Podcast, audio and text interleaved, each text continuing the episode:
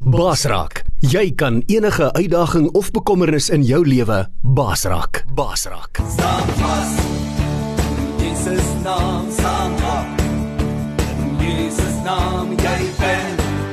In Jesus naam jy oorwin. Die vyand reeds verslaan, jy kan opstaan. En weer begin jy regeer. Voor alles hier, jy kan basra, jy kan basra, jy kan wen begin. Ek sal basra. In Jesus naam ek sal oorwin. In Jesus naam ek sal wen. In Jesus naam ek sal baas raak. Ek sal baas raak. Ek sal baas raak. In Jesus naam ek sal oorwin. In Jesus naam ek sal wen. In Jesus naam ek sal baas raak. Ek sal baas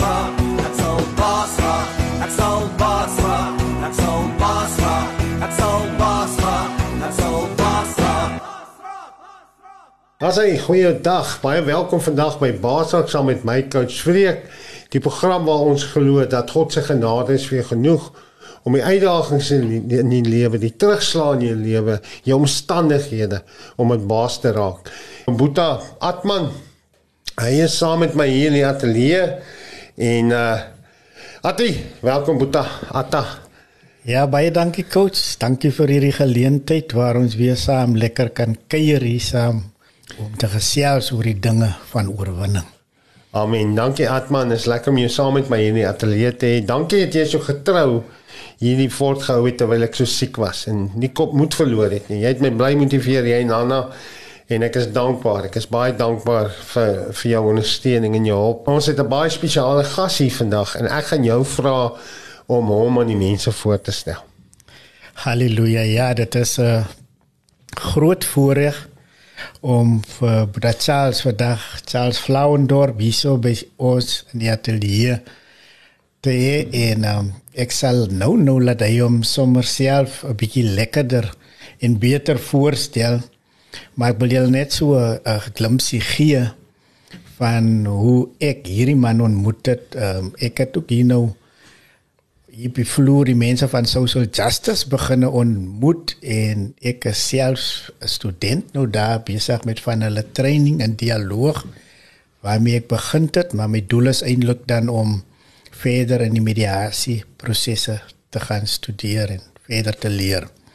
Maar toe die eerste keer na Charles, ek hoop ek mag hom maar Charles noem want die Zeker, laaste keer toe zeker. kom ander name, hy het ander groot uh, rangordes ook genoem het uh, toe sê nee hy wil eintlik net my vriend wees so dit is am lekker om die predikant se vriend te wees net soos ons Jesus se vriend kon wees Ja. en is en um, die eerste keer toe ek na hom luister coach toe hang ek aan hierdie man se lippe So. eerstens omdat ek self uit die gevangenis uitkom Ja. en deur van hierdie prosesse van gesond raak en selfs in so 'n mate dat die Here my vandag daai geleentheid gee Ja. om ander manne te gaan bemoedig en help om gesond te word daar in die gevangenis. Ja. En ons het dit mos maar al die jare gedoen met ons ondervinding en die leiding van die Heilige Gees. Uh maar hier kom hierdie mense en hulle gee vir ons werklik die tools. Uh, Die tools om dit effektief te doen. wow. En ek dink uh Buddha Charles gaan vandag baie van hierdie vrae wat op ons harte is oor die prosesse sal hy baie deeglik kan beantwoord. So dis hoe ver ek hom nou gaan voorstel. Ek dink ons gaan homself 'n kans gee om 'n bietjie dieper en beter voor te stel. Baie dankie Ad. Ek uh, waardeer jou en ek uh, Charles, ek wil sommer hoor. Wat jou storie? Vertel ons 'n bietjie van jouself. Wie is Charles? Waar kom jy vandaan en uh dan gaan ons luister na wat jy nou doen. En hoe lank jy dit nou al doen? Ja, baie dankie Freek. Ek is nie 'n ou wat normaalweg oor myself praat nie. So ek sal maar 'n bietjie kriptiese inligting gee oor wie ek is. ek is op die oomblik as ek van agter af kan begin uh verbonde aan die departement van korrektiewe dienste as die voorsitter van die paroolraad. Ja. Uh, nou al vir die afgelope 15 jaar in Joulerstroom gevangenis, ons noem dit die Oeverberg Dis bestuursaanraad ja. uh as ek net kan verduidelik vinnig dat die die land het uh, ongeveer 243 uh gevangenisse. Uh, ons noem dit ehm um, korrektiewe korrektiewe uh, sentrums. Ja. Is daar landwyd soveel en dan word hierdie hierdie ehm um, korrektiewe sentrums opverdeel in bestuursareas. Elke ja. bestuursarea bestaan uit ongeveer so 3 tot 4 uh uh tronke in die ou taal. Ehm um, in die Wes-Kaap waar ons is is daar ongeveer uh 41 uh korrektiewe sentrums wat ingedeel is in 10 ehm um, bestuursareas en ek is die elke bestuursarea het 'n paroolraad en ek is die voorsitter van een van hierdie bestuursareas se se paroolraad en dis in die Oeverberg. Okay. Dis die dis die korrektiewe sentrums uh, wat wat Kelliden uh, uh Helderstroom uh, tussen Kelliden en Verliesdorp insluit en tot op Buffeljaagsrivier. Ja, by Swellendam, nee. Ja, by Swellendam ja tot daar. Ehm um, maar nie Woester nie. Nee, Woester is 'n ander bestuursarea. Ja. So so ek is al die afgelope 15 jaar verbonde aan daardie uh, bestuursarea as die voorsitter van die paroolraad. Die paroolraad is is daardie instelling hmm. wat in die lewe geroep is om uh die parool te oorweeg vir vir oortreders. Ons praat ook deesdae nie meer van van gevangenes of kriminele nie, ons praat van oortreders of kliënte. Of kliënte ja, of kliënte as hulle daar binne is, dan is hulle ja. in ons werk met hulle, dan is hulle ons kliënte. Dis reg, ja. Ehm um, so ons sien hulle almal as as oortreders, wat, mense wat misdaad gepleeg het en hulle gedrag moet daar binne ge, gerehabiliteer word. Ons hmm. moet hulle help om om weer met hulle lewe aan te gaan. So ek is die afgelope klompie jare betrokke daar. Ehm um, en deur die jare was ek ook terselfdertyd betrokke in 'n gemeente as as as as leraar uh van drie gemeentes op die stadium. Ehm um, ek het ek het drie gemeentes gehad al tot dusver. Een in Heidelberg, uh die VGK Verenigde Gereformeerde Kerk Heidelberg en dan ook Suurbraak, dis so 'n plekkie buite uh Swellendam, mm. baie mooi plek. Mm. Daar was ek die leraar vir so 8 jaar en uh toe het ek Makassa toe gekom, dis die plek waar ek groot geword het. Okay. Ehm um, en op die oomblik bedien ek daardie daardie gemeente ook uh deeltyds. Dis nou dis nogal 'n taamlike veel eisende taak mm, want hulle is so om en by 3000 lidmate. Verskoon tog en ek is die enigste leraar op die oomblik daar. So dit is die dis waar ek betrokke is en dan is ek betrokke ook by by uh social justice waar ons mediasie doen en mense ook oplei om mediators te wees. En uh ons ons het 'n program wat ons noem uh, restorative justice wat hier in hierdie gesprek baie van toepassing sal wees. Mm. Ehm mm. um, en ook dialoog. so dit is basies wat ek wat ek doen. Uh so ek het, ek het 'n redelike vol program. Ek woon in Gordons Bay uh getroud al vir die afgelope 27 jaar met een siel. Uh wonderlik. ja. Ehm um, en ek het twee volwasse seuns. Uh hulle is in besigheid ehm um, en in uh in 'n tegnologie. So dit is maar my storie ehm um, wat wat my roeping betref. Ek ek ek sê altyd ek is gebore met met 'n roeping. Ja. Want vandat ek kan onthou, vandat ek my verstand gekry het, ek geweet ek wil in die bediening wees, ek wil vir die Here werk. Uh en en dit is presies wat ek doen selfs in die in die in die uh korrektiewe de, uh de, departement van korrektiewe dienste is ek besig ook met 'n vorm van evangelisasie en 'n vorm van van bediening. Seker. Wat baie baie baie uh veel eisend is, ja. maar maar dit is wie ek is op die oomblik ja. Ek ek hou nie daarvan om te veel van myself te te, te praat nie. ja. Charles, ek wil net gou ehm um, vir die mense wat kyk, vir ons luisteraar wat nou nie die tronk setup ken nie. Hulle hoor net goed. Hulle hoor soveel goed in die media, hulle hoor soveel negatiewe goed. Maar daar's 'n proses. As 'n persoon nou kom, sê kom as so 'n persoon het 'n baie uh uh daar was 'n geweldige misdryf, moord, uh daar's mense dood van geliefdes. En so 'n persoon is gefonnis vir 'n aantal jaar wat ook al en en daai persoon het nou deur die proses van rehabilitasie gaan in korrektiewe dienste want Dis een ding wat ek van baie hou in die wit white paper toe dit uitgekom het 'n hele paar jaar terug is die feit dat daar gesê is rehabilitasie is nie net uh, eh, DKD se verantwoordelikheid nie. Dit is nie net korrektiewe dienste se verantwoordelikheid nie. Omdat die probleem aan die gemeenskap uitkom, is dit 'n gemeenskaplike verantwoordelikheid. So ons gaan later by die rol van die kerk in hierdie proses kom, maar As 'n persoon nou so erge misdryf gepleeg het en ek weet baie van hierdie misdrywe word gepleeg in 'n verhoudingsverband, mense wat mekaar geken het. So kom ons sê 'n persoon het 'n ander persoon se kind vermoor. 'n Mamma het haar kind ver verloor of dit nou binne geweld of was en daai persoon is nou gefonnis vir 15 jaar of 20 of 25 jaar en in die proses het daai persoon begin verander in in in die in die in die gevangenis. En werklik waar dit was nou regtig 'n plek van 'n nuwe begin vir so 'n persoon. Hoe werk die proses? Daai persoon kan mos nou sê jy's nou al 15 jaar, so jy behoort te weet. Nou kom daai persoon in aanmerking vir parol. Na sekere tyd wat hy van sy vonnis gedoen het. Um is dit so dat en want dis wat ek hoor en weet, maar ek wil nie net self vir die mense sê, dit is belangrik dat daai persoon voor hy uitgaan met die mense wat hy seer gemaak het of sy seer gemaak het dat daar 'n tipe van restaurasie moet plaasvind. Is dit so? Is dit belangrik vir korrektiewe dienste om dit te doen? Ja, dit is inderdaad so. Kyk, die departement van korrektiewe dienste of of die staat dan het op 'n stadium besef uh, hier rondom 2003 iewers het hulle besef dat die daar's iets verkeerd met die met die regstelsel. Ja. Want uh in 'n normale uh juridiese stelsel pleeg iemand misdaad en die persoon word gevang deur die polisie wat hom aankla en hom voor die hof bring. Die hof uh sit met die getuienis voor hulle en die die die die landros of die regter verhoor die persoon. Hmm. En op grond van die feite voor die voor die hof word daai persoon gefonnis tot 'n effektiewe tronkstraf. Hmm.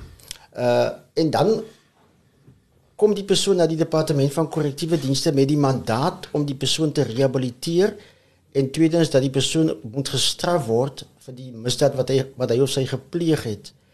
Maar die slagoffer uh gaan huis toe na die hofsaak.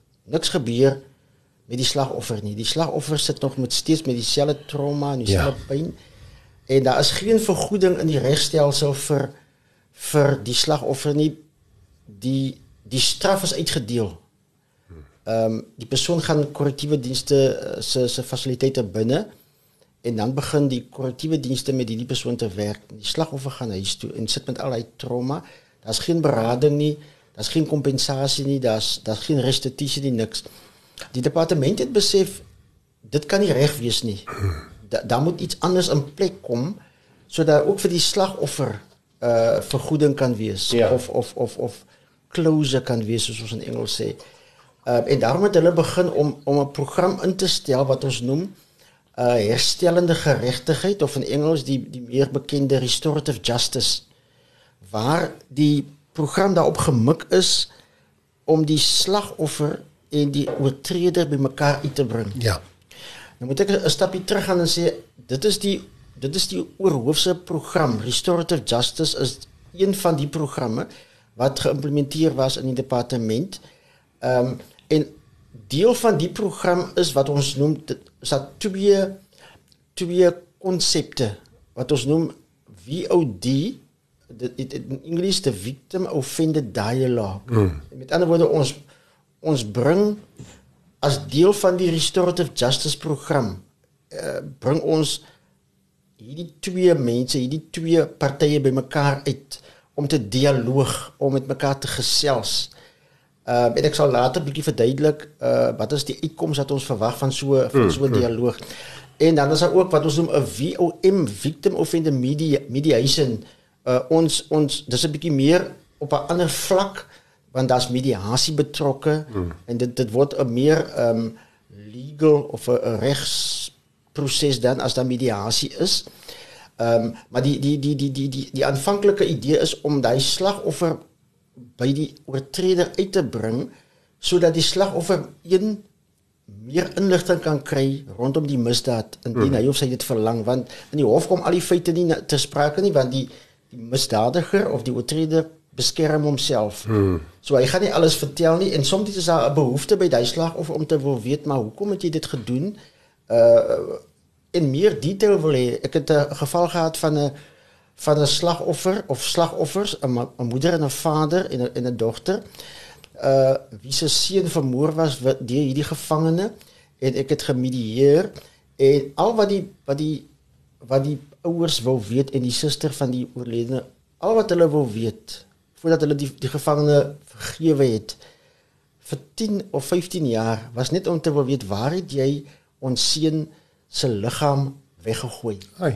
want hulle kon nie die, Ze willen like closure hê. ja die polisie kon nie die die liggaam opspoor nie en na na baie gesprekke het hy uiteindelik gesê maar nou kan ek onthou en toe is dit ook so dat hulle toe later uh in die in die Meisenbergpad daar iewers het hulle het hulle soektog van Stapel gestuur eintlik meer hier na Monwabisi se kant toe en daar het hulle toe die oorskot gekry aan die einde van die dag Ja. van, van die en dit het vir daai mense 'n uh, 'n bietjie berusting gebring Nou hoeveel jaar was dit? ek dink dit was ongeveer na 10 jaar Ja. Ja.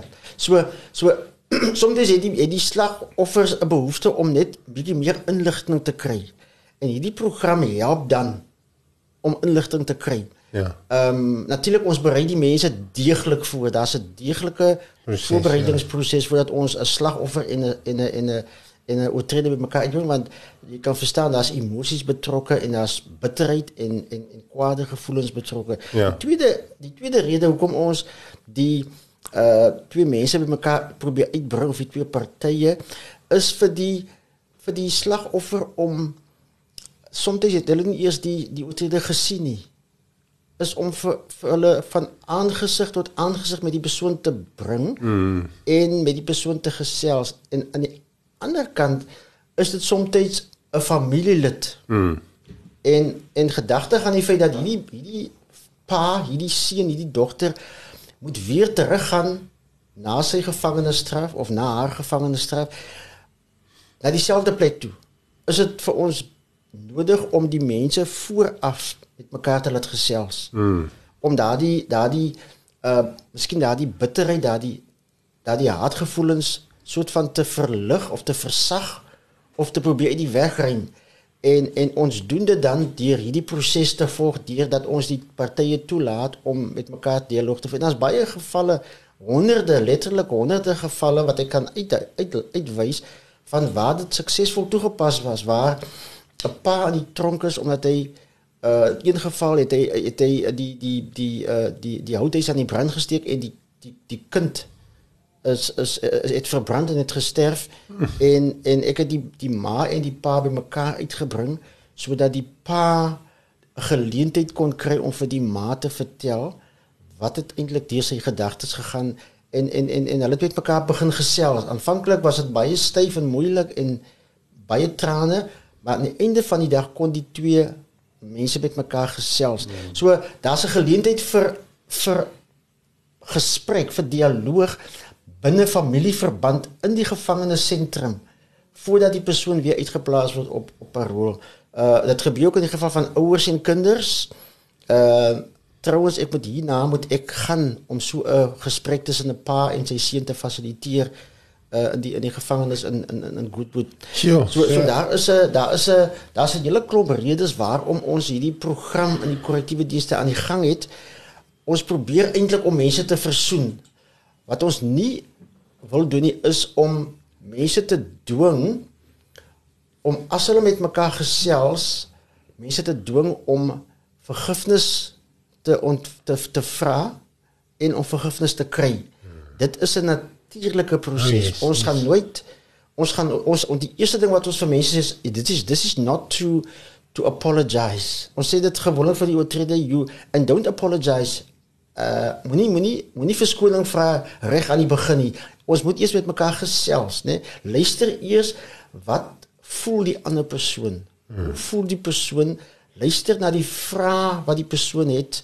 Ehm um, luister na die emosies van die persoon en gee inligting as die persoon van jou inligting vra. Ja. Jy kan jouself nie meer verder inkrimineer nie want jy's klaar gestraf. Ja. So daai mense het net 'n behoefte om te wil weet wat het gebeur en hoekom het jy dit gedoen en wees eerlik.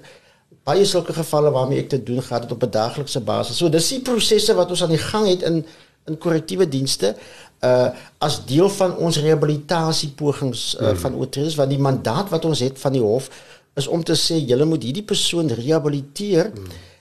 voordat julle die persoon oorweeg vir parol.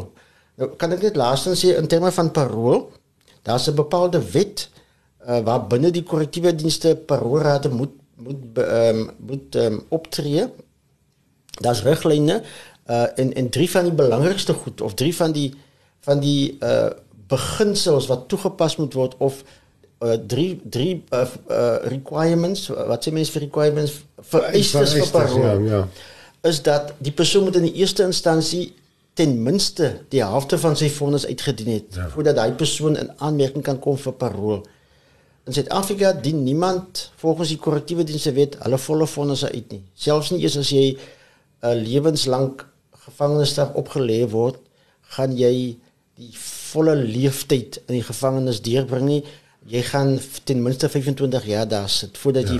jy dis die wet. So almal in Suid-Afrika uh, volgens die korrektiewe dienste wet dien net die helfte van hulle vonnis uit as hulle aan die vereistes voldoen. Ja. Die, die tweede belangrike vereiste is iemand in die gemeenskap daar buite moet onderneem om vir daardie persoon te huisves by wyse van sy handtekening om te sê hierdie persoon dis die adres dis die adresbevestiging ons moet die die adresbevestiging net ja. iemand moet sê ek gaan verantwoordelikheid vat vir die persoon want onthou as ons die persoon op die helfte van sy vonnis op 'n rol plaas bly die ander helfte nog oor ja dan word die ander helfte word buite die tronk se mure uitgedien. Ja, ja. Uh, daar's daar's bepaalde monitering wat plaasvind en daar's bepaalde vereistes wat aan daardie persoon gestel word. So die persoon bly nog in die stelsel van van korrektiewe dienste totdat sy sy sy sy gevangenisstraf verby is. Ons noem dit die die the sentence expiry date. Ja. So so, dis die tweede vereiste en die derde een is dat die persoon moet die voorgeskrewe rehabilitasieprogramme deurloop. Hmm. As die persoon op die helfte van sy vonnis kom en hy kom voor die paroolraad en hy nie daai programme gedoen nie. Daar's nie bewys nie dat kwalifiseer hy outomaties nie vir parool nie. So ons het in die korrektiewe dienste iets soos 14 rehabilitasieprogramme waarvan die restorative justice een is. Uh gewoonlik as die gevangene die dag in die gevangenis uh aanmeld word daar van 'n uh, 'n vonnisplan opgetrek. Hmm. Met ander woorde die die professionele mense sit met die met die met die oortreder noem ons dit en daai persoon ehm um, gesels met hulle en hulle be besluit die professionele mense die maatskaplike werkers die onderwysers die sielkundige so in sommige gevalle die psigiater ehm um, sit met daai gevangene en trek vir hom 'n plan op vir die volgende 15 of 20 jaar ja. en dan sê hulle vir hom jy moet hierdie programme deurloop dit word dan 'n vereiste en die gevangene of die oortreder teken daarvoor. Hmm. Met ander woorde as hy by die paroolraad kom en hy het nie die programme gedeurloop nie, dan sê ons vir hom jy het nie die kontrak nagekom nie. Sommige van hulle het 'n weerstand om die programme te deurloop. Hmm. Ehm mm. um, want as deel van die programme gaan dit jou in kontak moet bring met jou slagoffer. En baie van hulle is is, is vrees aan die hand hulle wil nie hulle slagoffers ontmoet nie. Hmm. So as as die vereiste was dat jy moet die uh die herstellende geregtigheidsprogram doen. Ehm um, wat nie verpligtend is nie. Daar daar's twee sulke programme kan ek net as 'n as 'n as 'n nota bene sê, dis twee programme, die uh twee daar's twee restorative justice programme. Die een is 'n oriëntering program, dis verpligtend. Die ander een is die 5 of 6 modules wat jy moet deurloop totdat jy jou slagoffer eindelik ontmoet. Hmm. So as die persoon nie daai programme gedeurloop het nie, dan kwalifiseer die persoon nie vir parol nie. So dis die vereistes en dan 'n 'n provisio wat bygekom het is om te sê, maar nou in die gevangenis as jy as jy vir parol oorweeg wil word en die departement is redelik streng met die afdwing van hierdie bepaling, jy moet die restorative justice program deurloop en jy moet 'n VOD doen. Jy moet 'n jy moet 'n dialoog met jou met jou want ons soek die bewys Die die die uitkoms hoef nie noodwendig positief te wees nie. Met ander woorde die persoon hoef nie noodwendig uh met jou te versoen het nie of of of jou te vergewe het nie, want dis nie doel nie. Net dat as die persoon versoek het, as die slagoffer versoek het, ek wil met my met my met my uh oortreder gesels, dan dan moet daai persoon 'n poging aanwend om om by die by die uh, uh, om by die slagoffer uit te kom. En ons ons maak dit vir hulle so maklik as moontlik om om dit wel te doen. Kan ek net nog 'n laaste punt oor hierdie oor hierdie ding sê is dat jy kry twee groeperinge van gevangenes of of traders. Jy kry die ou wat toevallig eenmalig misdaad gepleeg het. Per ongeluk misdaad gepleeg het. Mm. Hy het per ongeluk iemand met die mes gesteek, doodgesteek en is manslag en hy het 15 jaar gevangenisstraf gekry. Of die die persoon het uh iemand aangerand onder die invloed van van alkohol. Mm. Of die persoon het het 'n motor bestuur Ja, en iemand doodgery Ja, ja. daai persoon kom gevangenis toe. Hy doen sy programme, hy rehabiliteer. Hy hy word op 'n rol uitgeplaas en hy gaan huis toe en hy gaan aan met sy lewe. Sommige so, in die meeste gevalle maak hy of probeer hy of sy 'n sukses maak van 'n lewe want I I I I've done the deed hmm. en ek het die ek het die ek het Ja, die sta uit. ja. Maar dan kry jy 'n gewoonte misdadiger, die ou wat baie graag in die gevangenis wil wees. Hmm. Want dit dit gee vir hom in die gevangenis 'n bietjie geborgenheid. Hy kan by 'n by 'n gang aansluit. Hy kry belongs gratis- somewhere, ja, ja, hy hy sê, kry ja, hy sense of belonging. Hy kry hy kry daar binne kry kos gratis op die Ja. belastingbetaler se se Ja. kos en hy kry gratis akkommodasie. Zwaar, ja. Dit is moeilik om buite werk te kry en moeilik om aan die gang te bly ekonomies as jy nie werk het Ja. nie. So hy hy gaan hy hy's hy's onrehabiliteerbaar soms. Hy wil nie gerehabiliteer wees nie want die tronk is vir hom 'n gemaksone. Ons sê mos altyd die die tronk is in hom. Hy Ja, die tronk is in hom ja. Ja. Hy's 'n tronkvoel. Ja. Ons nee, ek weet nie hoe sou mense vir 'n vrou sê nie, maar hy is 'n tronkvoel want hy wil, hy wil in die gevangenis Ja. wees want daar's vir hom sekere voordele daarin. Ja. Uh en en en dis die moeilikste om sulke ouens te rehabiliteer. Ja. Want hy gaan met opset nie die programme doen nie. Hy, hy wil daar binne wees want hy, hy het miskien 'n rang gekry in die in die in die bendes uh en die kans dat hy nog opper kan gaan in die in die rangstruktuur van die bendes is daar en in die want hoe hoër jy gaan hoe meer voordele het jy Ja. in die gevangenis. So jy, jy kry hierdie twee ek maak al die onderskeid tussen die twee tussen die twee groepe.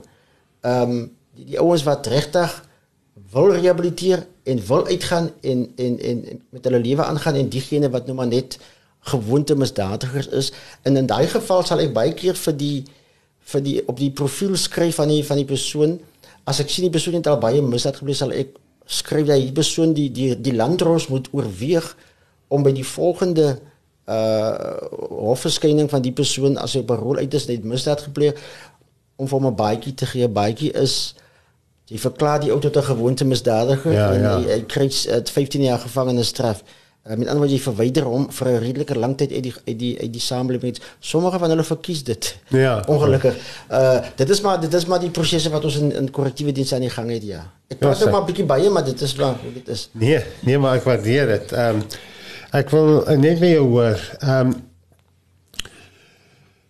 jy het nou nou nou gesê jy sien dit ook as 'n bediening, 'n uh, deel van jou roeping. Ek glo altyd uh, uit jou bediening glo uit jou roeping uit. Daai ding wat jy sal doen wat jy nie eens geld vir verwag nie. Jy sal dit doen vir nie. Is is 'n absolute passie, is 'n roeping. En Jy toe gesê saam met dit om dit in 'n korrektiewe dienste te doen, is daar geweldige druk wat daarmee saamkom. En ek het toe nie toe jy dit sê regtig verstaan wat jy gesê het nie.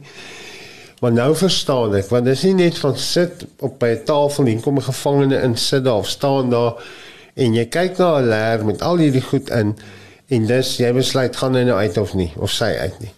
Dis absoluut 'n ding van 'n proses wat nou jy nou verduidelik het. Maar dan is daar ook hierdie ding van ek kan nou want ons 2 Korintiërs 5:19 sê vir ons ons almal as kinders van God het die bediening ontvang van verzoening. Dis vir God baie belangrik. Paulus sê ek bid dat julle sal versoen met die Vader. En net soos ons met hom versoen, het ons met mekaar versoen. En ons het almal almal vra dit maar wat is my bediening? Dan sê ek het die bediening van versoening en die bediening van bemoediging, encouragement. Dit as kind van God het jy daai twee natuurlik sielewenner, jy moet getuig. En uh, 'n bidder, intercessor. So maar uit my roeping as evangelis het verskeie bedieninge gevloei. Maar nou luister ek na jou en ek sien hier, maar hierdie proses is nie 'n maklike proses nie. Dis waar hierdie wat ek nou as ek dit in my eie woorde en ek is hierdie geweldige spanning en druk. Ek kan my maar net voorstel as jy nou 'n slagoffer moet skakel. Want obviously is jy is jy die persoon wat dit moet doen of het ja. jy mense wat dit doen? Ek is deel van die span wat dit doen, ja. Ja. En ek kan dink daar's seker baie wat glad nie eens wil met daai persoon praat nie. Absoluut.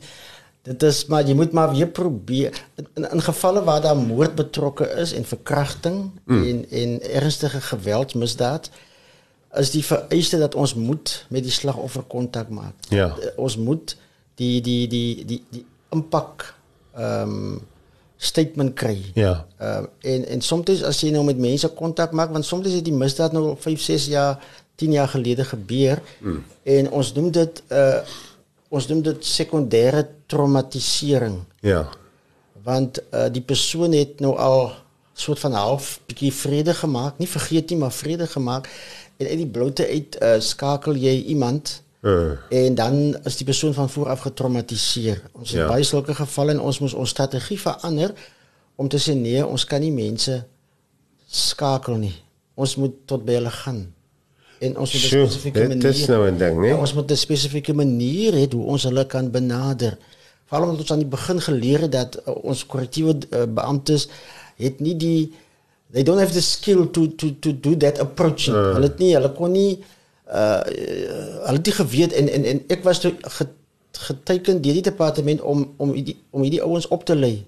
Ek dink ek het 120 uh korrektiewe beamptes aanvanklik opgelei Sure. hoe om sensitief te wees wanneer jy uh met en, en maatskaplike wesens ook in die in die, in die gevangenis ek opgelei. Ja. Trouwens die meeste van hulle opgelei in in in in uh die die die the the the, the art of of um of mediation of facilitation. Ek wil net hê ons moet gou daar stil staan. Ja, maar Charles. Jy sê se kind. Ja. Dis 'n aard. Dis nie 'n ding wat jy oornag. Absoluut nie. Dis 'n ding wat jy moet aanleer. Dis 'n kuns en hy moet ontwikkel. Ja. En ek hoor presies, veral as jy te, uit die ouer manne en v- ouer beamptes kom wat dit 'n tyd wat tydperk was van net veilige bewaring. Ja. Sy dit was net sluit en- Kragdadig wees. Ja. Daar sê. En nou verander die hele stelsel en sê, "Oké, okay, ons het 'n verantwoordelikheid om die ouens te rehabiliteer, ons het 'n verantwoordelikheid om hulle te, te reïntegreer in in die gemeenskap, om hulle terug in die gemeenskap as 'n beter burger te laat ja. uitgaan." Daai kuns wat jy nou van praat. Hoe dit jou kant toe kom. Waar dit met jou want obviously toe hulle jou oogmerk om te sê want ek is iemand wat sterk glo. Jy kan nie iets vir iemand gee as jy dit nie het nie. Ja. Ek gaan nie net iemand kies as ek nou uit uit 'n milieu kom soos in, in die uh, situasie wat jy nou praat van kollektiewe dienste wat sê Oké, okay, ons moet nou hierdie ouens help en ons moet ons beamptes toerus. Ons moet hulle hierdie kuns aanleer. Ek moet 'n ekspert kry. As ek dit sou kan sê, ek moet 'n coach kry. Hoe dit vir jou gekom? Hoe daai kuns? Is dit maar oor die 15 jaar of jare in die bediening? Hoe het God jou, wat is die proses wat hy jou deurgevat het om jou voor te berei vir dit? Ja. Weet jy, ek het ehm net nadat ek uh, in die in die gemeente my eerste gemeente gekom het. Kyk, ek het vir 15 jaar hier skool gehou voordat ek ah in die, in die bediening ingegaan het, alhoewel die Daar leer die- ou die- daar was, ja. Ehm maar maar toe ek in die bediening kom en ek gekonfronteer word met huweliksprobleme en met met jy sulke goed uh het ek agtergekom mense weet nie hoe om hulle verhoudings te bestuur nie. Ja. Ehm um, en tweedens mense weet nie hoe om hulle probleme te bestuur nie. Ja. 'n vrou het 'n huweliksprobleem, hulle weet nie eintlik dis nie so 'n groot probleem, hulle weet nie eintlik hoe om dit te bestuur nie. Ja, ja. D- Dis maar die dis maar die probleem. Vir myself gesê toe ek met die eerste huweliksprobleme te doen kry, Charles, jy weet te min. Jy weet baie teologie en in in in my bedienings fokus was ek wil mense heenwys na Jesus toe. Amen. Maar ek uh, uh, uh, uh, die dominee evangelis 'n pastoor is iemand wat mense na Jesus toe moet wys Ja. die hele tyd. Mm. Uh na sy voorbeeld. En ek het agtergekom maar ek is nie ek- dit dit, dit doen ek. Maar as hier uh, en dis 'n profane dis 'n Daai 'n- skill. Ja, dis 'n dis 'n it's a it's a sacred thing. Uh, mm, om, om, om, om pastoor of evangelis soos jy mm. om uit te wees is 'n it's a sacred calling. It's, Yes, yes. you, you, work with God's children. Amen. Yes, and there's a common say. I, I love it when they say, "You, you, you, you minister out of the office of the evangelist." Ja, ja. That, that, that, that ja, dis 'n skill. So, so toe kom ek agter maar dis dis dis dis ek kan dit doen. Ek ek ek kan mense na die Here toe lei. Hmm. Ons kan diep gesprekke hê, maar th- that's a sacred thing, but there's also profane things. Daar's ook profane goede. Hmm. Jy op die grond uh soos familiegesindhede en familieverhoudings en en konflik. En toe het ek ehm um, as ek toevallig toe ek nou hier belangstelling kan nie sê dit is wel maar ek dink dis die Here se Ja, inkomste die verseker. divine intervention kry ek 'n geleentheid om 'n uh, kursus in konflikbestuur te doen by die Verenigde Nasies. Wow. Ehm um, hoe dit gekom het kan ek nou nie heeltemal seker sê nie, maar op 'n of ander manier het ek het ek aansoek gedoen want hulle het uh die Verenigde Nasies het ek- het het, het gesê hulle soek iemand uh een se een persoon in elke Afrika land. En hulle gaan 'n uh, hulle gaan 'n uh, uh, uh, twee of drie weke lange kursus aanbied oor conflict management Ja. because of the the conflict in Africa wat ook al. En hierdie konferensie sou in in in Gordons Bay plaasvind in een van die hotelle daar. Dit- So dis toe toe toe 'n klomp mense uit Afrika uit wat bymekaar kom saam met 'n paar uit Europa uit ja. en en en die en die ouens in Genève die die VN se hoofkantoor hulle kom gee die opleiding en ek ek dink omdat ek in Gordons Bay gebly het het hulle ge, gesien maar hier's 'n ou wat sommer hier by is. Hier's Ja. uit uit Suid-Afrika wat sommer hier naby is. Ja. Ehm en toe het ek gekies om om deel te wees van hierdie groep uitgeleese mense en ons het 'n intensiewe konflik ehm werkswinkel vir twee volle weke gedoen. Ja. Uh en daarna het hulle het hulle jou in in sekere situasies geplaas as deel van die praktiese eksamen mm. om om te demonstreer hoe om konflik te hanteer. En vanuit daai het die het die het die counseling ek het geleer dit is dit sien net gaan hanteer konflik nie jy moet in die konflik situasie moet jy na mense se emosies kyk. Ja. Hoe hoe voel hulle oor dit wat gebeur?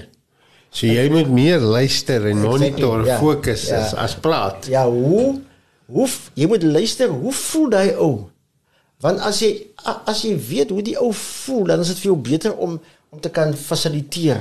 Beter jy, jy met ander woorde jy moet die in plaas van die situasie wat jy bestuur Uh, of dit nou kon, konflik is op politieke gebied of sosiale gebied of binne familie wat jy moet in plaas van om daai situasie dan jy moet jy die eers die mense se emosies ja. jy bestuur.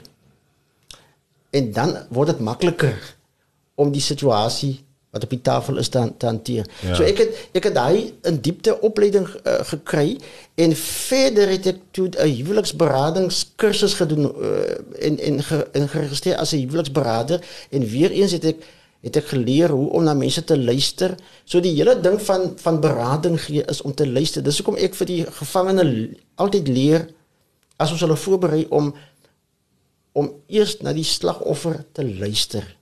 Moenie praat nie. Luister eers. Ja, maar daai persoon se hart. Hoe klop die persoon se hart? Wat is op die persoon se se, se hart? Uh, hoe dink die persoon en luister na dit wat die persoon vir jou vra. So dit is daai skill kom met tyd. Uh, Ehm um, dit is nie 'n oornag fly by night ding. Jy hmm.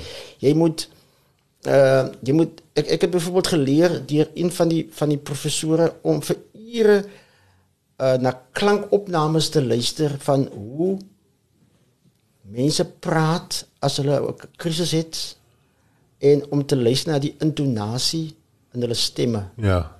Want dit gee vir jou aanduiding van hoe die persoon hoe die persoon voel oor 'n spesifieke saak. So ek het daai opleiding ge- gehad uh, en en en dit het my gehelp in my bediening en dit het my gehelp in korrektiewe dienste. Uh so die eerste ding wat ek doen as ek met 'n gevangene sit, hy kom my meld aan, onthou 'n gevangene uh, of 'n oortreder in, in, ons taal werk hom op want hy kry 'n maand voor die tyd kennis dat hy gaan die paroolraad sien Ja. soms is tot 3 maande voor dan weet jy op daai spesifieke dag gaan ek die paroolraad sien. En so hulle werk hulle self op.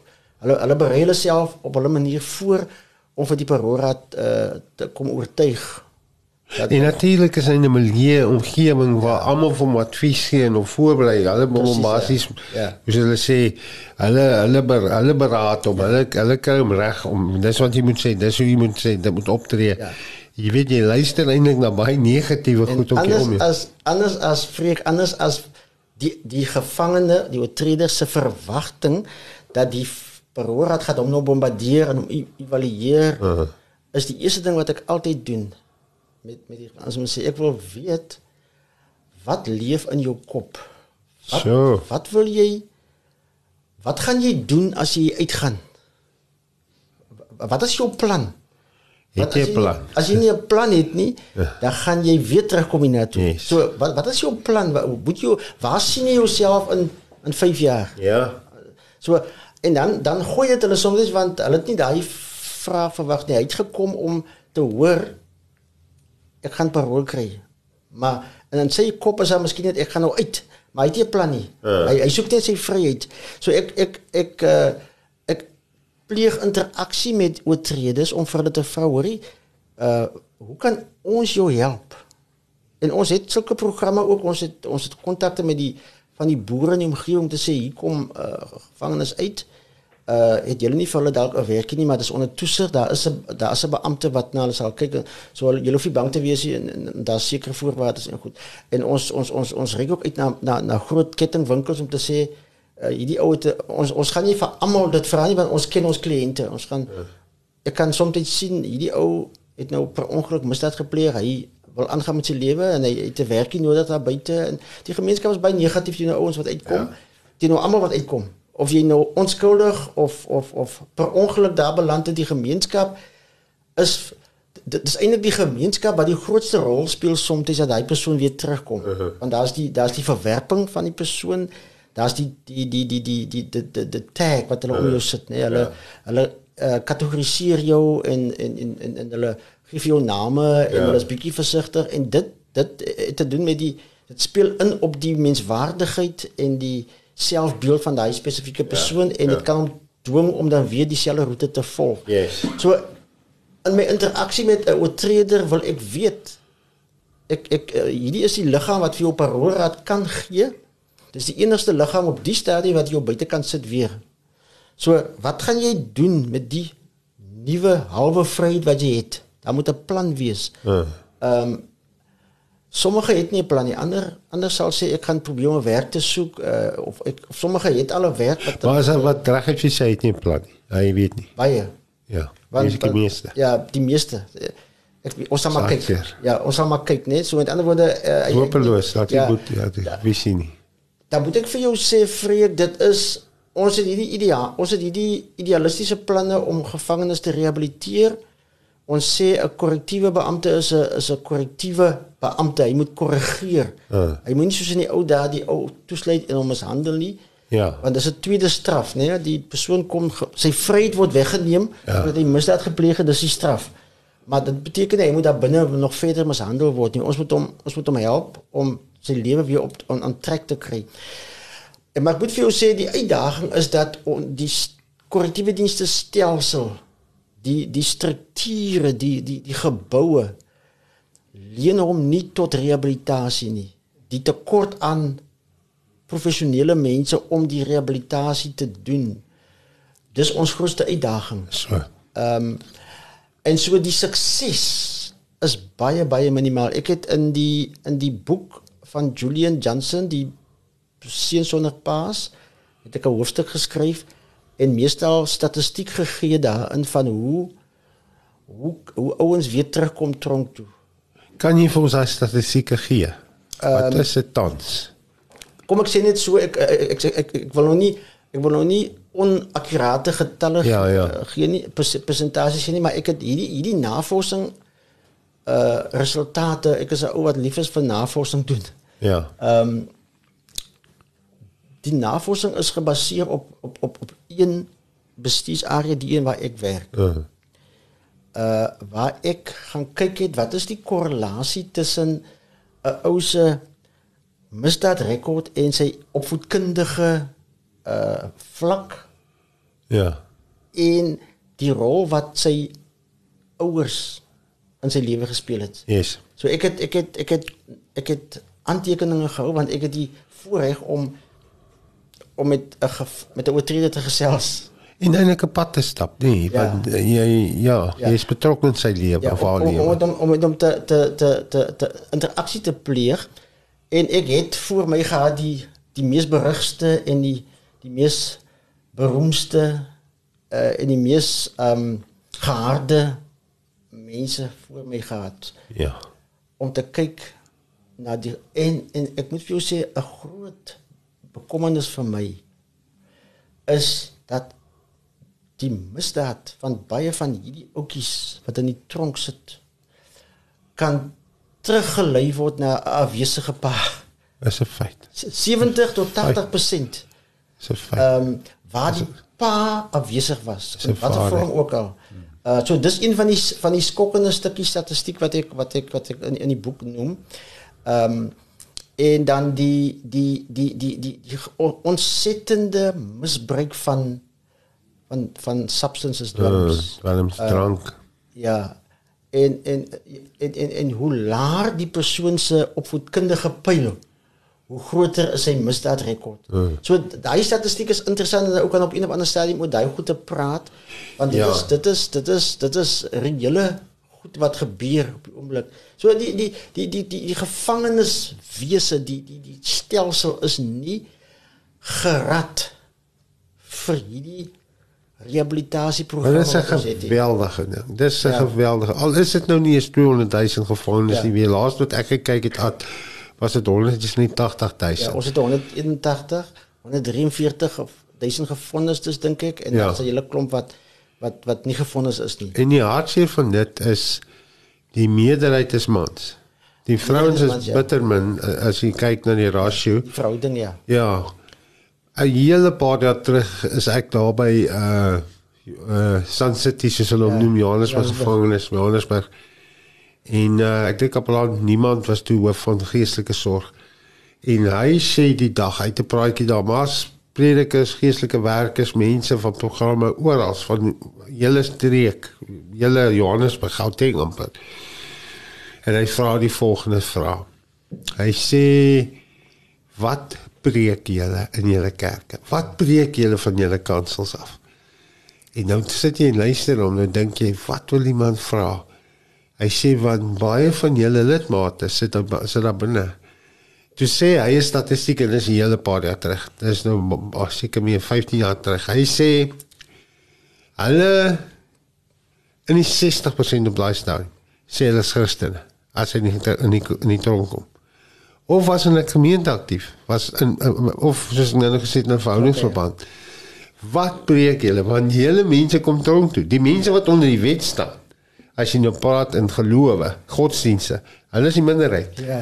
Kyk baie van hulle in die tronk word nou 'n ander geloof vir voordele wat hy wil hê, maar of sy maar daai daai ratio tussen mans en vrouens en bevestig dit ook net vir my dat ons jong manne, jong seuns het rolmodelle nog positiewe rolmodelle. Mense wat mans wat dan sê volg my soos ek vir Christus volg.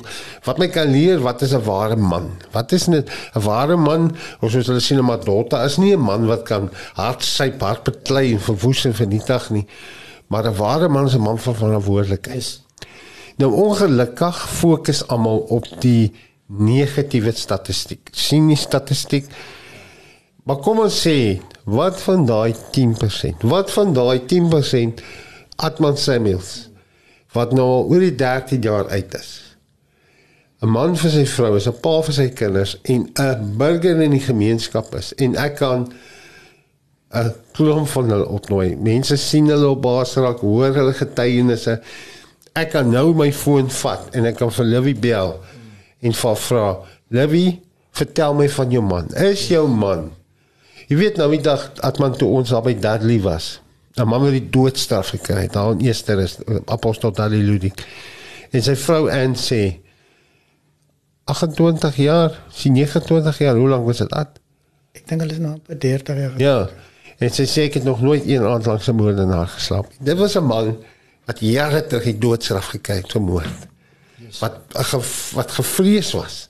En sy vrou sê ek het nog nooit langs 'n moordenaar geslaap. Hierdie is 'n ware man van God. Kom ons praat bietjie oor die mooi. ja. Jy het mooi goed. Jy het stories nou al gesien. Daai min statistiek ongelukkig, maar jy bel die slagoffer. Jy sê ons wil graag hulle by mekaar uitbring.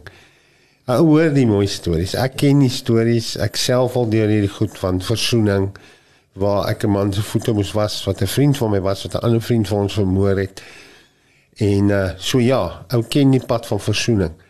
Deel met ons 'n bietjie 'n mooi storie. 'n 'n 'n 'n storie wat jou toneel laat krul het van lekker kry. Ek was deel van hierdie Presies. proses. Ja, baie baie stories kan ek jou vertel. Ek kan jou heeldag besig hou. Ja, so ek like met, dit. met uh, met positiewe stories. Ons praat nou die hele tyd maar in 'n negatiewe sin. Ja.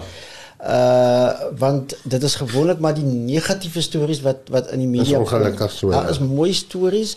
Daar's die storie van die van die seun wat 'n man geword het wat ehm um, deur sy stiefma mishandel was in die afwesigheid van sy pa.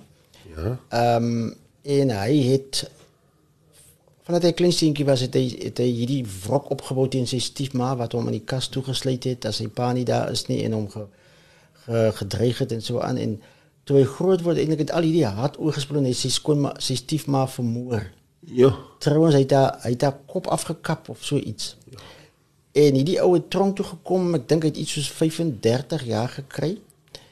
En hy het in die in die in die gevangenis gekom en hy het uh, die programme gedeurloop en hy het hom opgewek tot 'n monitor in die gevangenis en hy het later het hy die het hy die het hy die taxop bestuur van die van die Ja. gevangenis en hy het terwyl hy daar was het hy teologie gestudeer en hy het op 'n dag voor die paroolraad verskyn. Mooi, ek gaan nie sy naam noem nie. Mooi gevorder hy het om te bekwam as 'n as 'n as 'n leraar, as 'n pastoor en hy bedien nou 'n gemeente in Johannesburg. Wat? Uh dis 'n suksesstorie. Ja, dis 'n mooi storie. Dit- Dis 'n dit- godstorie. Ja. Hy hy hy bedien nou 'n gemeente iewers in Johannesburg suksesvol aangegaan met sy lewe. Wow. Hy kon homself vergewe want die eerste ding wat hy moes gedoen het is belangrik. om Dis is om te sê ek moet myself vergewe. Hy, hy hy kon sy sy sy wrok en sy haat kon hy geregverdig het. Maar nadat hy die program deurloop het, het hy agtergekom maar ek uh, ek is eintlik die een wat myself eers moet vergewe voordat ek kan aangaan en daarna het teologie gestudeer en seker ook in die in die studeer van die teologie het hy agtergekom maar daar's iets wat ek ek, ek moet eers self ondersoek doen. Ja. En daai is 'n mooi storie. Daar's die storie van die van die van die, Voor van die die daai storie, so jammer ek onderbreek jou. Toe daai man inkom en jy staan sit daar en jy vra hom wat gaan jou kop aan? ja. Wat jou plan? Wat het hy vir jou gesê? Ek het hom eers ek het hom eers gevra omdat as gevolg van die horribale storie. Ja, ja. Vir hom eers gevra sê vir my wat het gebeur? O, Wat het gebeur? Uh ek ek sê belang en toe gaan hy terug. En vertel hy my van sy kinders daar af en toe en toe vat ek dit van daar af om met, om met hom te gesels Ja. en, en, en te vra hoe voel jy nou daaroor? Nou dat jy nou na 15 jaar dink ek nadat jy hy was 15 jaar in die gevangenis nou dat jy terugdink hoe voel jy nou Ja. daaroor? Ons sê skuldgevoelens en ek voel nou eers hartseer daaroor. ja. Ek voel nou dit was verkeerd. So hy het 'n mo- 'n mos gehad. Ja. Hy was maar. Remorse is 'n belang is 'n Baie, baie baie, belangrike baie. woord wat jy nou gebruik. Baie belangrijk. So so so daai is 'n mooi storie. Ehm um, ek het die storie van die van die ouma wat in wie se sorg haar kleinkind was want die die die ge- die oortreder het die kind se pa doodgeskiet. Die pa was 'n polisieman. Ja. Hy het die pa doodgeskiet en na 7 en 'n half jaar want hy het iets soos 15 jaar gekry. Uh hy het, het weggekom met manslag. Uh ek dink hy het- ek dink hy het, hy het net 'n goeie advokaat gehad. Ehm en so hy die minimum straf gekry. En ek bring hom en die die ouma en die seentjie wat op daai stadium die seentjie was minder as 'n jaar oud. Maar toe die seentjie eintlik daar kom toe sy 7 jaar oud. En wat hy net so pas begin met skool. En obviously hy het geen ehm um, geheue van Ja, wat wat gebeur het. gebeur het, ja. Maar ons het hom om, om, om vertel maar dit is nou die ons moes hom vertel. Jy weet as mens vir kinders kan kleintyd af vertel dan dan help dit 'n bietjie soms. Ja, ja. Ehm um, by mekaar uitgebring na voorbereiding. En ek laat die ouma toe om vir die gevangene die oortreder te vertel watter effek finansiëel en sosiaal het die skiet van die kind se pa op haar gehad en op die kind. En sy vertel haar storie van hoe sy sukkel, sy kry 'n staatspensioen en hoe sy sukkel om om die kind se skoolgeld te betaal en al die goede. En toe onderneem die gevangene toe sê mevrou, dit maak nie saak wanneer ek uitkom nie. Nee, na lang gehuil. Want die die storie van van die ouma van hoe sy sukkel om die Dat kind nou- groot te maak omdat sy pa vermoor was deur jou, sê sy. Ja. Onderneem lank gehuil. Onderneem die oortrede. Mevrou, as ek hier uitkom die dag of dit nou môre is of dit volgende jaar is, as ek hier uitkom die dag want ek moet hier uitkom. Ja. As ek uitkom gaan ek onderneem ek om vir die kind se skoolbehoeftes te betaal vir die res van sy skoolloopbaan. En onthou daai sy was die kind aan die begin van sy skoolloopbaan. Ons het daardie onderneming op skrif gesit om te sê maar dit is 'n onderneming wat jy gee. Ja. Uh ons ons gaan jou probeer hou by jou onderneming. Uh, jy moet jy moet jy, jy maak 'n groot belofte. Ja. Want jy maak nou jy maak nou eintlik skuld vir die volgende 12 jaar. Ja. En hy het gesê nee, maar ek ek ek is regtig jammer. Maar ek kon sien hierdie ou is regtig jammer Ja, hy berou. want hy sien vir die eerste keer die gevolge van sy dade. Mm. Dis hoekom hierdie program so belangrik is. Uh en tot op vir tot op vir hierdie jaar dit kon ek nog kontroleer en, en is dit nog steeds so? Dat Ja. ek nog steeds sê hy sê ek het 'n werkie. Dis nie 'n uh, uh, baie hoë betaalde werkie, maar ek kan ten minste iets afknyp om vir die kind Ja. en hy en hy het kontak behou. Hy het kontak behou met die hy hy het kontak behou met die met die kind. Sit hom nader in jou mond. As jy kan lekker terugsit, maar sit hom nader. Ja. Ja, okay. So hy Yes, kontak in feite het baie uit kontak behou met die met die met die met die seentjie. Wonderlik. kan eintlik amper nou sê dit is sy seun wat hy hom wat hy groot maak, ja. Ja. En die, Wow. die ouma die uit van die saak het was was baie dankbaar en sy sy sy die hulp aanvaar en, en sy het ook vir hom gesê maar ek verstaan hoekom jy sê nou jy was jy was onder die invloed ek verstaan dit nou en uh, ons moet vergewe want ons is kinders van die Here. Dis interessant uh vreek as ek jou interessante stukkie statistiek kan vertel. Ek weet nie of dit vir vir mense sal interesseer nie, maar ek ek, ek deel dit nogtans met julle dat Ja. die die die vlak van vergifnis tussen die hoe dat dit verskil is in die verskillende rasse Ja, ja. in Suid-Afrika. Jy sal as ek nou in terme van van van ras moet praat, jy sal vind in jou breingemeenskap is mense baie ge, gemakliker gehoor om te vergewe. Regtig. Ja, hulle sal hulle sal gewoonlik sê ons is kinders van die Here en die Bybel sê ons moet vergewe. Ja. oorwegend in my in my in, in die breingemeenskap is dit die geval. Uh hier en daar is daar natuurlik mense wat sê nee, jy moet maar doodgaan in die tronk en so aan. In jou in jou swart gemeenskap as jy probeer om 'n restorative justice program te te te hanteer, dan sal in die meeste van hulle vir jou sê dis is dis is 'n issue case for the elderly. Met ander woorde ons ons kan ons kan ons kan die program laat hardloop, maar die die die die die ouderlinge, die die groot mense uh. moet 'n bietjie ook betrek word. Soos soos om om met Ola Bola te onderhandel. Ja, ja, So ja. so, so daar is hierdie hierdie kulturele ding van in, in sulke gevalle en dit is eintlik 'n Ja. baie dis 'n baie interessante konsep om te sê goed, ons sal ons sal binne as dit binne familieverband is veral, ons sal dit ons sal dit hanteer Ja. In the shadow of the law soos Laurie altyd sê ons sal dit ons sal dit hanteer.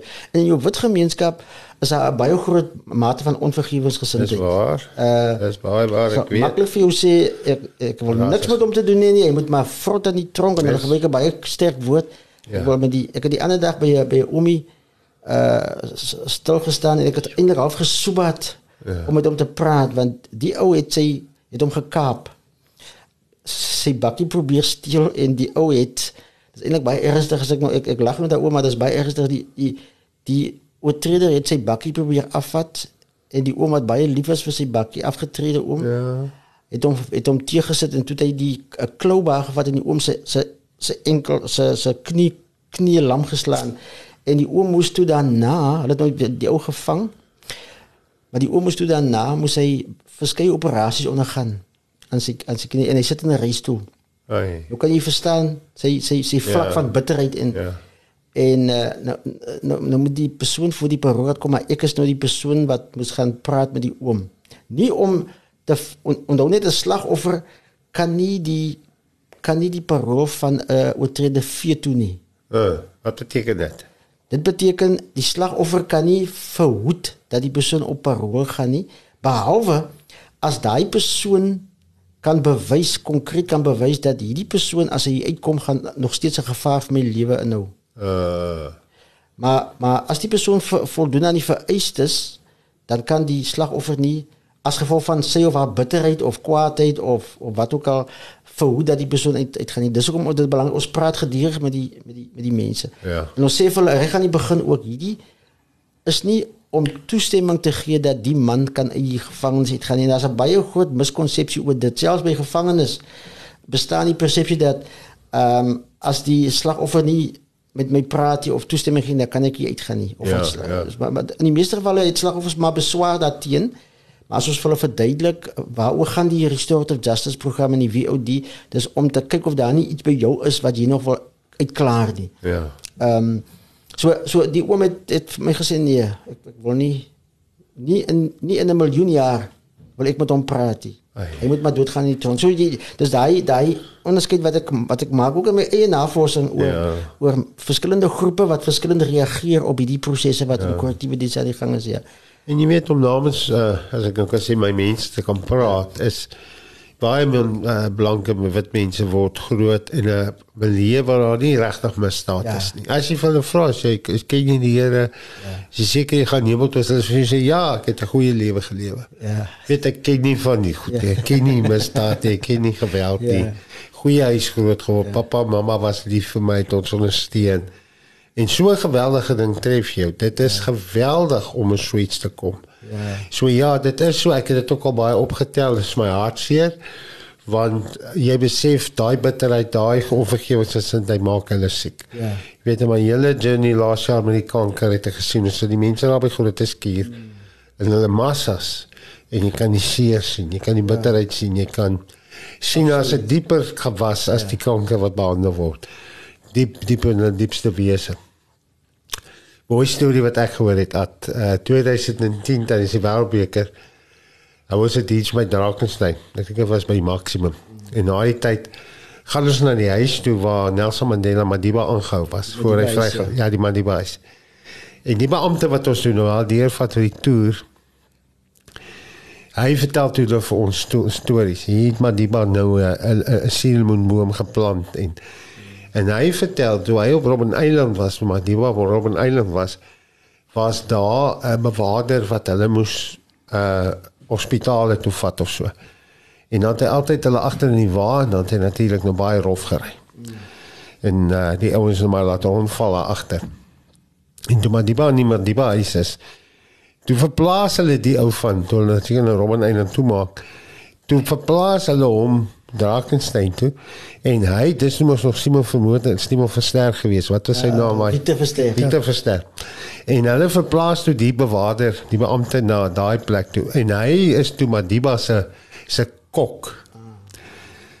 En ek is nou dan die man wat uitgestap het en geglo het aan verzoening en vergifnis. Hy het dit geleef daar binne. Want ek hy het vertel die storie. Hy sê en Madiba sê toe vir hom Ek hoop jy's 'n beter kok as wat jy 'n bestuurder is. en hulle twee toe baie goeie vriende geraak. En Madiba sê toe vir hom vir vir al toe die onderhandelinge is en hy weet hy gaan nou vrygelaat word binnekort en wat gaan kom. Toe sê Madiba van vra hy vir hom jou seun, jy het 'n kind. Toe sê ja. Sê wat gaan wat wil hy doen eendag? Toe sê hy nee, ek is nie seker nie. Die seun is nou nog jonger en hy sê vir hom as hy uit is en hy slaap met skool dan moet jy my kontak. Ek sal seker maak jy het my kontak besonderhede.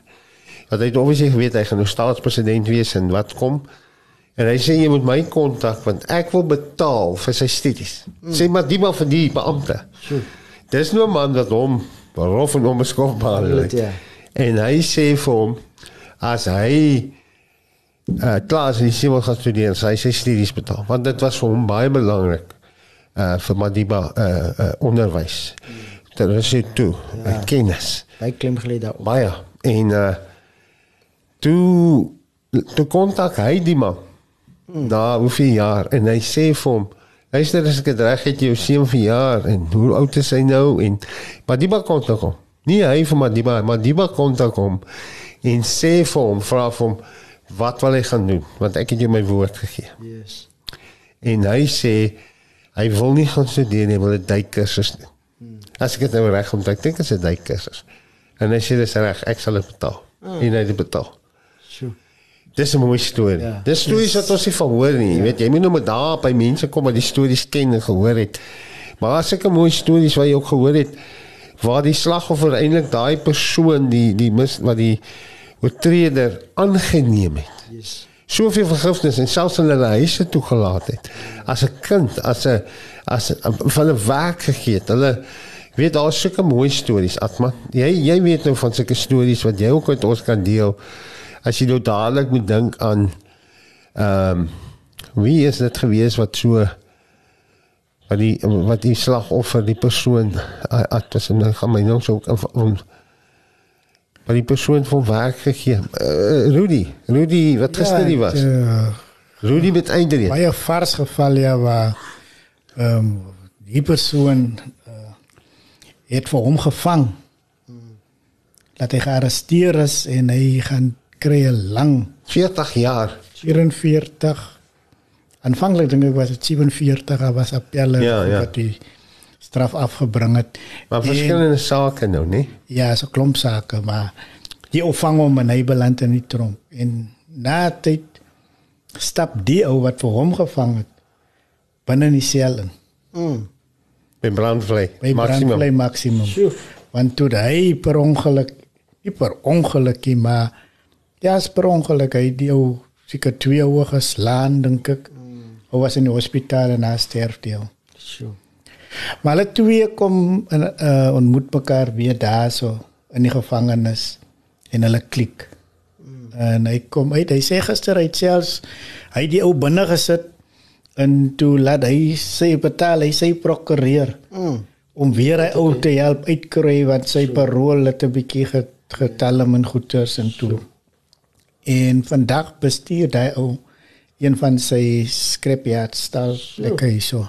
Ja. Ah, Dis 'n mooi storie. En die, wat so wonderlik is die die die persoon wat die oortreder en so uh, uh, sy video op ons op ons Facebook uh, YouTube channel op Maasal se YouTube channel Adrian Meyer. Ons het in 2015 was ons by Dwarsrivier. Toe is hy nog daar en toe gee hy sy getuienis. Ons het dit opgeneem. En ek dink hy het seker by die 700 000 views al. Op ons as dit nie 800 000 dalk. Ek praat nou korrek. Ek dink 790 000 views. Daai stukkie getuienis van Adrian. Toe Adrian twee jaar terug het uitgekom. En soos hy sê hy werk nou vir Rudy. Hy is nou een van sy bestuurders en hulle is saam in die bediening. Sjoe. Maar die mooi is, Adrian sê vir Rudy in die sel. As dit nie was dat ek met die Here uitgekom het, het ons jou nou sat gemaak. Ja. So die Here het ook op die regte tyd dat hulle weer mekaar uitkom en daar het so 'n mooi storie in dit nou gekom. Jy weet jy kan sien hier is nou twee broers wat Ek wat het uh, my heel interessant, my heel merkwaardigste versoeningsstorie was die was die geval uh, waar die betrokke dame is die die mannetjie die jong seun uh beroof. Sy was in 'n in 'n besigheid besig om af te sluit daai dag se werk. Toe kom die ouetjie in en hy hy het kom steel, maar toe kom hy op haar af. Hy het nie geweet sy's daar nie en hy het haar toe lelik aangerand ja. uh en vir dood agtergelaat. Uh, Maar hy is op 'n manier gevang en hy het uh gevangenskap gekry en die die betrokke dame het oorleef en sy het toe haar besigheid verkoop en as gevolg van die trauma het sy Engeland toe geëmigreer. uh, En ons moes op 'n manier moes ons haar opspoor. En ons het kontak gemaak met haar en sy sê vir, vir ons in uh, ek het wel verduidelik maar jy weet jy kan ook 'n in, uh, insaal lewer en toe sê sy I'm just giving you notice that you can but you are now obviously there in England and sy sal nog nie kan sy sê no I'm I'm gonna I'm gonna fly down there at my own costs wat to the to the to the parole board meeting. I want to be there. I want to look that man in the eyes. Uh obviously was die ou nou al 'n bietjie bietjie uh, was al 10 jaar in die gevangenis en hy's 'n bietjie ouer nou. Ek dink hy was 17 toe hy die misdaad gepleeg het en hy's toe 27 of 28 jaar oud. En sy doen dit reg as hy kom. Ons gee vir die datum sy vlieg en sy kom na die na die Parora toe. En sy uh, ek sê vir haar, maar ons berei is we, we prepare people. Sy sê no there's no need for preparation. wat There's no need for preparation. I, I just want to see, I just want to talk to him. Maar hierdie gevangene is vreesbevange in my interaksie met hom. kon, kon sien die ou is nie. Ja. Hy het nie verwag sy sal kom nie. En hy sy sy sy sê I want to I want to talk first. Sy sy sy sy neem letterlik die die sitting oor Ja. as 'n slagoffer. Uh sy sy sy is totally in control of her feelings en sy sy weet presies wat sy wil sê. Sy sê vir hom: "Jong man, sy kon nog Afrikaans praat bystel. Ja. Jong man, ek het gekom om jou in die oë te kyk want ek het nie geweet hoe jy lyk nie. Ek ek ek kom jou in die oë kyk. Ek het nie geweet hoe jy lyk nie. Ja. Nou sien ek hoe jy hoe jy lyk. But ek wil vir jou sê ek het gekom om jou te vergewe. Uh want ek verstaan nou die omstandighede waaronder jy groot geword het. Ja. En for my own sake, for my own sanity, Baie belangrik. I flew down here to to tell you your forgive eyes. I forgive you. En sê het, sê het, maar daai daai daai gevangene was. Oh. Hy het dit nie op- hy het dit nie verwag nie. Hy was Ja. so hartseer Ja. en aangedaan. He apologized vehemently. She said to him, "It's- "There's no need for you to apologize any longer. I forgive you." Da, die vrou is dieselfde aan dat sy weer uitgevlieg. She just wanted to come here to tell that that boy who was a man by then, he should say, I forgive you. I, I understand that you were, were, is dat. were, were uh, was met drugs betrokken, maar jou omstandighede en jou gemeenskap, ek, ek verstaan dit nou, ek verstaan dit nou. Maar ek vergewe jou. Wow. Dit is dit was my 'n mooi Dis mooi. Ek dink ons het 'n ons het 'n foto gevat uh om dit in die in die in die in die in die in die, in die te sit maar as gevolg van die feit dat die dat die uh daar's 'n bepaalde beleid in opsigte van die fotos van gevangenes kon ons dit nie op daai stadium doen. Ja. Dit het nog vandag 'n bietjie baie verander. Maar dit was 'n wonderlike storie van van, van, van vergifnis. Ja, dis wonderlik. Hoorie my, Boeta, ek wil vir jou vra ons moet gereeld kuier. Ja, want ons Baie kan welkom. baie lank gesels. maar ehm sê gou vir my, ek is nou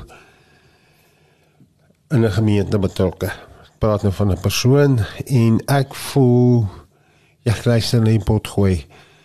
Uh ongelukkig het die video's nog gegroet weer. So ons is net op audio, maar hier is 'n beheer. Uh ek wil meer weet van hierdie restorative justice. Ek wil meer, ek wil myself ook toerus. Waar toe gaan so 'n persoon? Wat doen so 'n persoon in 'n gemeente wat sê of in die gemeenskap wat sê hier, maar jy ek luister nou na hierdie manne. Ek sal wat wil gee. Dit my hart klop. As ek dan net iemand kan help om te versoen met mekaar. As ek net iemand kan help om myself vergifnis uit te kom. Vergifnis om by dit uit te kom wat God vir jou beplan het. Waar gaan so 'n persoon? Wat doen so 'n persoon? Is daar iemand wat ek kan kontak? Wat wat doen daai persoon? Ja, absoluut. Kan ek net sê uh die die, die beginsel van versoening is 'n goddelike Bybelse prinsip. Dis waar. Beginsel.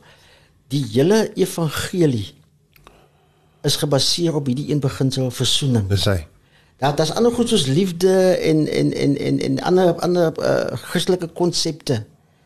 Maar die die evangelie gaan om versoening. Ja. So Christus gaan om versoening want want God het ons deur Christus versoen. Dis hoekom ons Christene is uh so in ons bediening nê nee, in die in die in die in die in die heenwys na Christus in die in die in die bediening van van die van die woord uh en in die skool van mense uh, hoe om te lewe moet die klem altyd val op versoening because life is about people. Mm. Life is about interaction with other people. Die die lewe gaan om die jou, die jou verhouding met met die ander een. As jy Ja. as jy 'n gebrekkige verhouding het met die ander een dan kan- dan is jy nie 'n heel mens nie. Ja. So ons ons ons doen on, on, ons werk op die beginsel van van versoening. Dit dit dit a, as jy versoening uit die uit die woord uithaal dan bly daar niks dan bly daar niks oor nie. Waar. Want wat hy sê Psalm 2 sê kus die seën. Wat is dit? Versoen. versoening, ja. Ja. Nou nou ons ons het net die langs aan julle het ons kantore die die Social Justice Foundation wat mense bemagtig oplei hoe om ehm um, restorative justice fasiliteerders te wees. Wow. Ehm um, hoe om Daai berig. help- ja, hoe om mense te help om die dialoog te, te doen, hoe om te medieer. Uh so hulle kan hulle kan social justice, ek dink julle het julle het hulle gegevens op julle op julle op julle uh Ja, maar ons sal dit sommer sê, maar gee net hulle hulle webblad of hoe kom ons dis dis mos www.socialjustice.co.za. Ja, social justice een woord. Een woord ja CO.za, yes. Hulle kan hulle kan ons da, da, daardie kontak ons sal vinnig reageer. Ons het gereeld opleidingssessies. Die opleidingssessies is 'n verpligte 40 uur. Uh, as jy wil regis- geregistreer wees as 'n as 'n as 'n as 'n mediator of as 'n restorative justice uh practitioner hmm. uh want dis dis dis hoe jy toegelaat gaan word om die programme in die in die gevangenis aan te bied. Jy moet ten minste daai opleiding gehad het. Uh want as jy aansoek doen om die program aan te bied gaan ons jou wat ons noem by korrektiewe dienste quality assure. Yes, yes, Ons yes. kyk of jy bevoeging ons laat nie enigiemand toe om die program te aan te bied nie. Ja. As jy as jy uh as jy ge, geregistreer is, geakkrediteer is, dan uh, dan is jy baie welkom om met ons kontak te maak in korrektiewe dienste om te sê hier is ek ek wil uh, Ja. ek wil die program en daar is natuurlik 'n vergoeding aan verbonde uh, as jy die regte kanale gaan. Uh, maar maar die opleiding is baie belangrik, nee, vir, vir jouself, maar ook vir die vir die mense wat Ja, jy jy gaan kan doen. nie ja. met enigiemand daar sit Ons kan nie. nie ons kan nie uh, Meer skade bring. persone instuur nie. Dit want jy werk met mense se gevoelens, nê. Nee. Tuurlik. Ek het ek het uh, en, en mense se gevoelens is onvoorspelbaar. Ek het 'n ander uh, geval gehad waar mense om die tafel gesit het in korrektiewe dienste. Dit was my les gewees.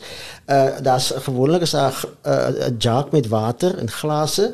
Uh en ons het heerlik gesels. Die die drie gevangenes het die betrokke dame se broer uh, vermoor, wreedaardig vermoor en na 7 of 8 jaar het hulle aan aanmerking kom vir parol en sy lieflik gesels en ook gesê ek het uh, die Here sê ons moet vergewe en, en en so aan. En dan min of meer aan die einde van die van die gesprek het sy gevra of sy net gou 'n breek kan vat en sy het opgestaan onverwags het sy die die die water gevat en dit, na die na die gevangenes so geslinger.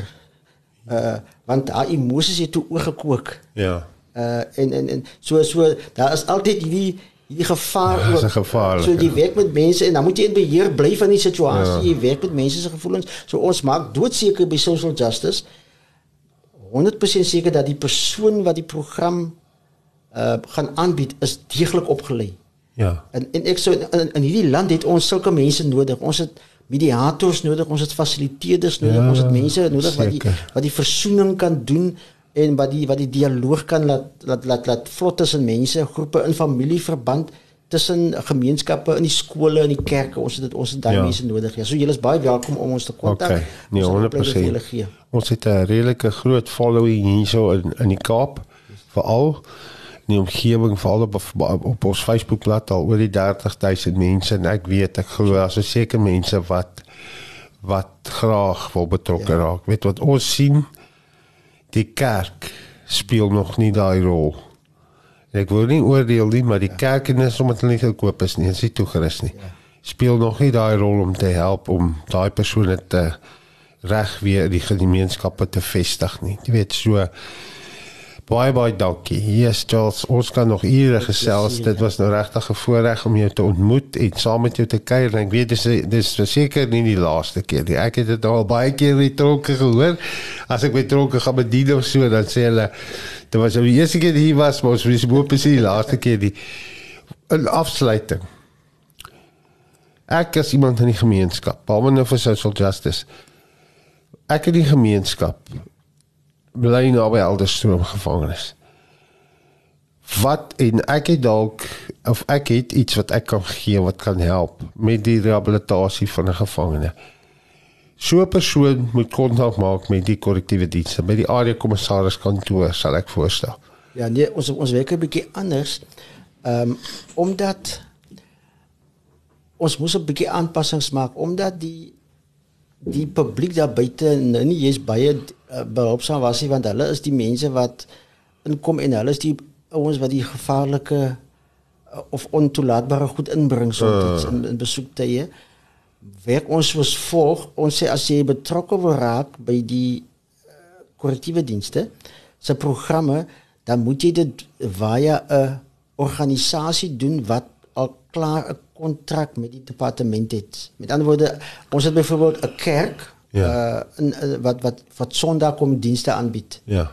Ehm um, en ons het 'n ooreenkoms met daai kerk, kerkgroepering en hulle moet dan vir ons mense stuur om die om die dienste te kom lewer. Ja. Ons moet 'n data 'n database hê van die mense, die organisasies, die NGO's en ons verwelkom dit met wie ons ooreenkomste het. Sodat ons nie met 'n individu werk nie, maar dat ons werk met met uh, die individu wat verbonde is aan die kerk of aan die Aanspreeklikheid, al, ja. Terwyl van aanspreeklikheid ja. ja en en kyk die die vergoeding het, uh, is tussen tussen die individu en die Ja. departement maar daai persoon moet moet gekoppel wees aan 'n aan 'n organisasie vir vir daai aanspreeklikheid ja, Ja. ja. dis hoe dis hoe die stelsel werk so dan kan die persoon kan kontak maak by die kap die eerste eh, kontakpersoon is die as dit gaan om spirituele opvoeding om om om godsdienstprogramme wat ook al dan kan die is die die persoon se eerste kontak of die NGO of die kerk met die kapelaan elke gevangenis elke bestuursarea het 'n kapelaan hmm. die stadium is daar bietjie vakatures maar daar is iemand daar wat verantwoordelik is vir die geestelike Okay. okay. versorging en daai die jou eerste kontak is met daai persoon nie met die area kommissaris nie want hy gaan jou weer verwys na na die uh, kapelaan toe of na die die, co- die spiritual co coordinator so as jy belangstel om sulke goed in die uh, gevangenis aan te bied en ons verwelkom dit daar is te min organisasie hmm. daar's te min kerke wat betrokke is alhoewel die kerk eintlik die organisasie is wat vrye toegang tot die gevangenes het want dit is sy lidmate wat daar sit Ja. en dit help altyd ek, ek, kan dit meer beklim en dit help altyd wanneer 'n persoon in die gevangenis is en hy word geestelik na gekyk. Uh -huh. Hy word geestelik gevoed. Dan help dit hy persoon absoluut, net daar die die al die bewyse is daar dat jy word nie onaangeraak deur 'n geestelike program nie mm. in in die gevangenis. Ons het ons het ons het baie sulke programme. Ons het baie, ons soos ek ons het 14 programme, maar almal het 'n het 'n het 'n het 'n geestelike komponent uh daaraan verbonde. Ja. Uh so so almal is baie welkom om met ons kontak te maak by enige in die, in die, in die, in die, in die Weskaap is daar baie ge- gevangenisse. In Ja. Woester is daar twee uh groot be- bestuursareas, net in Woester alleen. Ja. In George is daar die die, Ja. die, die die groot gevangenis in in in in in, in Caledon, uh hier in Goodwood, Ja. Polsmoor in die Kaap is daar hier op in Drakensberg in die, in die Ja, Parel het 'n paar en die Ellendale het 'n paar het, het 'n paar groot gevangenisse. So dit is baie na aan ons gemeenskappe, die die gevangenisse en almal almal wat belangstel om te help om die gem, om die gemeenskap om die om die nasie te Bou. op, op te voed en te bou.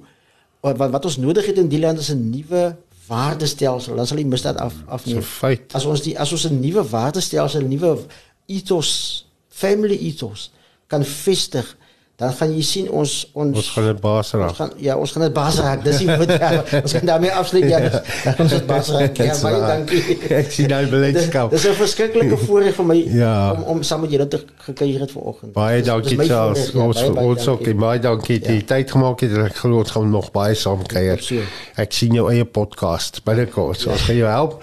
Baie dankie. Mag die Here jou seën. Baie dankie dat jy ingeskakel het, geluister het. Jammer dat ons nou nie die video vir u kan wys nie. Hier's 'n paar uitdagings met load shedding. Ons almal gaan maar gebuk onder dit.